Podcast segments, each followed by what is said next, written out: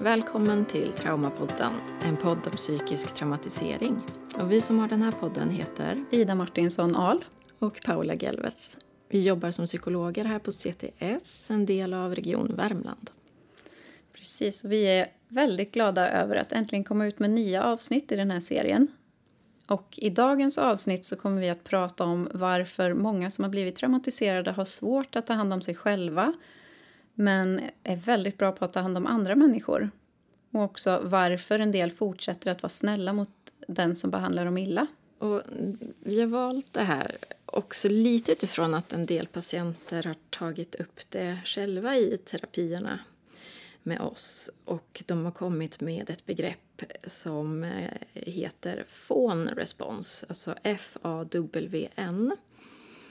Och vi har ingen bra översättning på svenska. Eh, om man översätter det rakt av så betyder det eh, att fjäska eller svansa. Men eh, vi kan väl säga att det har att göra med att man blir väldigt eh, tillagsinställd.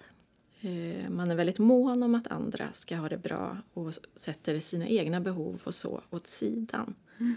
Och det är också någonting som vi ser hos de flesta patienter som vi träffar egentligen.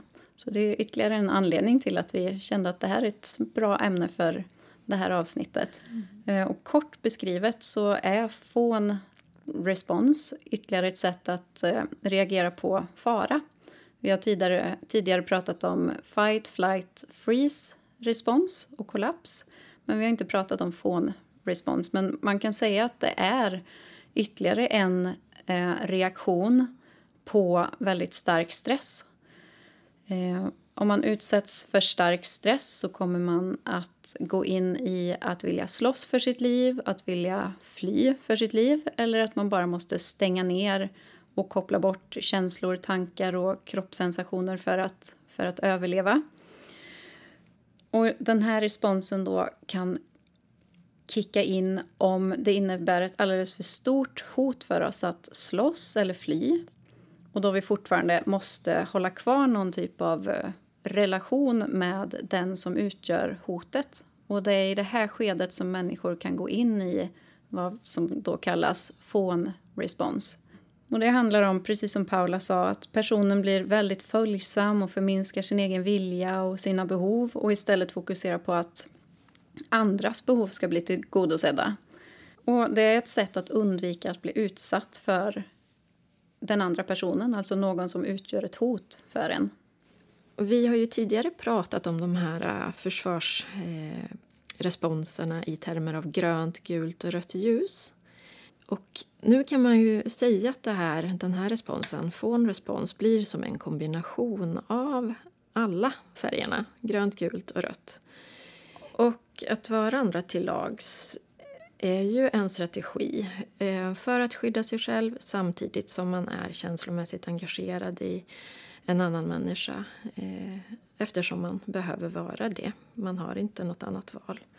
Och det här är ju inte någonting som vi gör medvetet eller frivilligt utan det är i högsta grad en automatisk överlevnadsrespons som kan vara livsnödvändig i farliga relationer. Eh, för vissa människor så finns det inget annat sätt att överleva än att utveckla den här reaktionen eller responsen. Och I relationer där det innebär en risk att stå upp för vad man tycker eller vill så har man helt enkelt in, inget annat val än att, att ägna sitt liv åt att ta hand om andra och eh, gå på tårna och vara på sin vakt för att slippa straff och konsekvenser och då helt lägga sina egna behov åt sidan. Mm. Man måste anpassa hela sitt liv och hela sin tillvaro för att hålla någon annan lugn och nöjd och genom det då minska risken att bli utsatt för personen i fråga. Mm. Precis, och man kan märka den här responsen på sig själv också genom att man kanske är den som hellre lyssnar än pratar. Eh, man kan vara väldigt bra på att få andra människor att prata om sig själva och så men, men själv behöver man verkligen skydda sig. Precis, för om man redan som barn tvingas utveckla den här reaktionen, alltså man tvingas eh, vara andra till lags och lägga sina egna behov åt sidan, eh, då är det ju väldigt stor sannolikhet att man också bär med sig den här reaktionen i alla relationer eh, i resten av livet i andra nära relationer, som partnerrelationer eller så. Och det här sättet att, eh, att vara med andra, det kan ju också utvecklas när man som barn har föräldrar som... Alltså de behöver inte utgöra något direkt hot på det sättet att de eh, begår övergrepp mot en e-, egentligen. Utan det kan vara så att eh, du som barn får ta hand om dina yngre syskon lite för mycket till exempel. Eller att din förälder mår dåligt och att du får agera förälder för den. Då är det ju också vanligt att, att man som, som liten får lära sig att lägga sina egna känslor och behov åt sidan. Så mm. att få en respons kan ju vara mer eller mindre stark beroende på hur farligt man har haft det. Precis. Kan kanske det kan. Vara, ja. Det är i relation till hur mycket eller lite utrymme man har haft att se till sina egna behov och vad man behöver eh, för att må bra. Mm. Och vissa kanske har haft det utrymmet i, i viss utsträckning medan andra inte överhuvudtaget bara fått ägna hela sin tillvaro åt att, att fokusera på eh, hur man ska hålla eh, exempelvis en förälder lugn eller eh, undvika hot från den föräldern. Så det handlar om överlevnad, helt enkelt. Mm. Det ger oss en tillfällig känsla av trygghet men långsiktigt så ställer det till problem för oss. Och om man då växer upp i en sån här otrygg miljö där man inte har någon möjlighet att lägga fokus på att ta reda på vem man själv är och hur man fungerar och varför då kan det bidra till väldigt starka känslor av tomhet som vuxen. Eh, eller förvirrande tankar och känslor kring vem man är. Och eftersom hela ens nervsystem faktiskt är inställt på att istället ha fokus på vad andra behöver och vad andra mår bra av. Ja, precis. Och då kan det bli så som vi sa förut, att man är den som inte pratar så mycket själv kanske, utan ger mycket utrymme åt andra. Eh, och det kan också vara så att man tycker att det är väldigt obehagligt när folk inte håller med varann eller när någon tycker annorlunda. Och man vill gärna inte eh, vara den som kan liksom ställas till ansvar för någonting så då överlåter man beslut åt andra eh, så att man inte ska råka illa ut om någonting går fel. Att man kan ha väldigt svårt att själv be om hjälp men att man mm. ofta är den som hjälper andra väldigt snabbt till att hjälpa andra. Mm. Um, ja, mm. Man strävar efter att vara omtyckt av alla för kanske då, kanske då är man trygg. Mm. Mm. Och det här är också en väldigt viktig sak att, att jobba med i terapi. Um, och någonting som du kan få hjälp med av din terapeut. Och därför så kan det vara en del av det traumafokuserade arbetet i terapin att ägna tid åt att lära känna sig själv och som vuxen få fundera kring vem är jag? Vad tycker jag om? Hur fungerar jag känslomässigt? Eftersom den här chansen eller det här utrymmet fick man ju aldrig som liten. Mm. Precis, och, och i det ingår ju också att eh, utmana sig själv i att bli lite mer självutlämnande. Att, att ta plats med, med sånt som som man ändå tycker att man kan säga och stå för. Då. Mm. Och till en början så kan det handla om väldigt eh, grundläggande saker. Att eh, för personer som har utvecklat den här eh, reaktionen eller responsen ehm, kan behöva börja med saker som... Eller ställa sig frågor kring när är jag trött? När är jag hungrig? Vad tycker jag om för mat? Eh, vilken typ av tv-serier tycker jag om och varför tycker jag om just de här serierna? Mm. Vad får mig att varva ner och må bra? När känner jag mig trygg? Mm. Det kan vara på väldigt grundläggande nivåer. Ja. Det är där man måste börja. Ja, precis. Vad vill jag göra idag?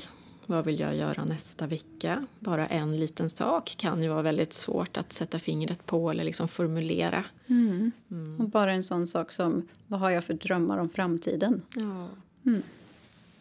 Um, och den här responsen eller det här sättet att, att vara på med andra eh, kan ju också vara en styrka och många ser det som en styrka. Eh, och, och, och det är det ju. Men det är ju hälsosamt först när man själv också får utrymme. När man har en balans mellan sina egna behov och andras. Ehm. Ja, precis som du säger så har såna här personer oftast en extraordinär förmåga att läsa av andras behov och, eh, och se vad andra behöver för att må bra och så.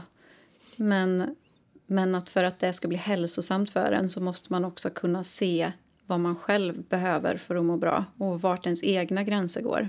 Mm. Ja, typ. så det kan ju också vara en del i, i traumaterapi, att man får lära sig att sätta hälsosamma och respektfulla gränser gentemot andra. Mm. Öva på det, eh, uppleva att det inte är något farligt. Och vi vill verkligen betona att det finns ju inget rätt eller fel i de här olika responserna eh, eller reaktionerna som vi lätt hamnar i. Men att fastna stor del av tiden i en sån här reaktion kan bli skadlig oavsett om det handlar om att man eh, hamnar i fight, flight, freeze eller fån. Alltså om man hamnar i att hela tiden vara aggressiv mot andra eller att man hela tiden vill fly undan och håller sig undan eller att man lätt stänger ner eh, och kollapsar känslomässigt eller att man vill vara andra till lags. Det finns inget rätt eller fel utan det är reaktioner och responser som vi har tvingats utveckla för att överleva. Och eftersom det här är en, en stressrespons så kan man ju reagera så här eh, när det kommer till andra eh, stressande situationer. Eh, alltså inte bara när vi pratar om trauma i nära relation.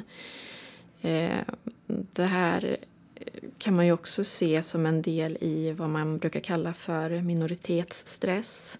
Alltså rädslan att bli utsatt av eh, någon på grund av hur man ser ut, där man är, eh, sin etnicitet eller så.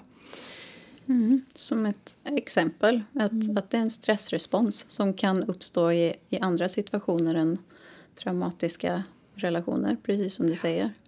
Ja, alltså fånrespons eller benägenheten att vara andra till lags har vi pratat om idag. Som en, en respons på stress, hot. Om du som lyssnar känner igen dig i det så vill vi bara skicka med att kom ihåg att du har ett människovärde precis som alla andra. Och att du har din rätt att göra din röst hörd. Mm. Ehm. Och vad du tycker och känner och tänker, det spelar roll och det är viktigt. Och du förtjänar att omges av människor som respekterar dig för den du är. Ja, och det här är ju förstås svårt att liksom våga ta den platsen när man har människor eller lever i ett system som inte är så snäll varje gång. Mm. Men så här är det. Ja, du har precis lyssnat på avsnitt 9 av Traumapodden. Och mm. vi har som sagt idag pratat om hur du som upplevt trauman i nära relationer lätt kan hamna i att lägga dina egna behov och känslor åt sidan för att vara andra till lags. Och du kan hitta mer om traumatisering och komplext posttraumatiskt stresssyndrom på 1177.se. Vi som har pratat idag heter Ida Martinsson Ahl och Paula Gelves. Tack för att du har lyssnat. Hej då!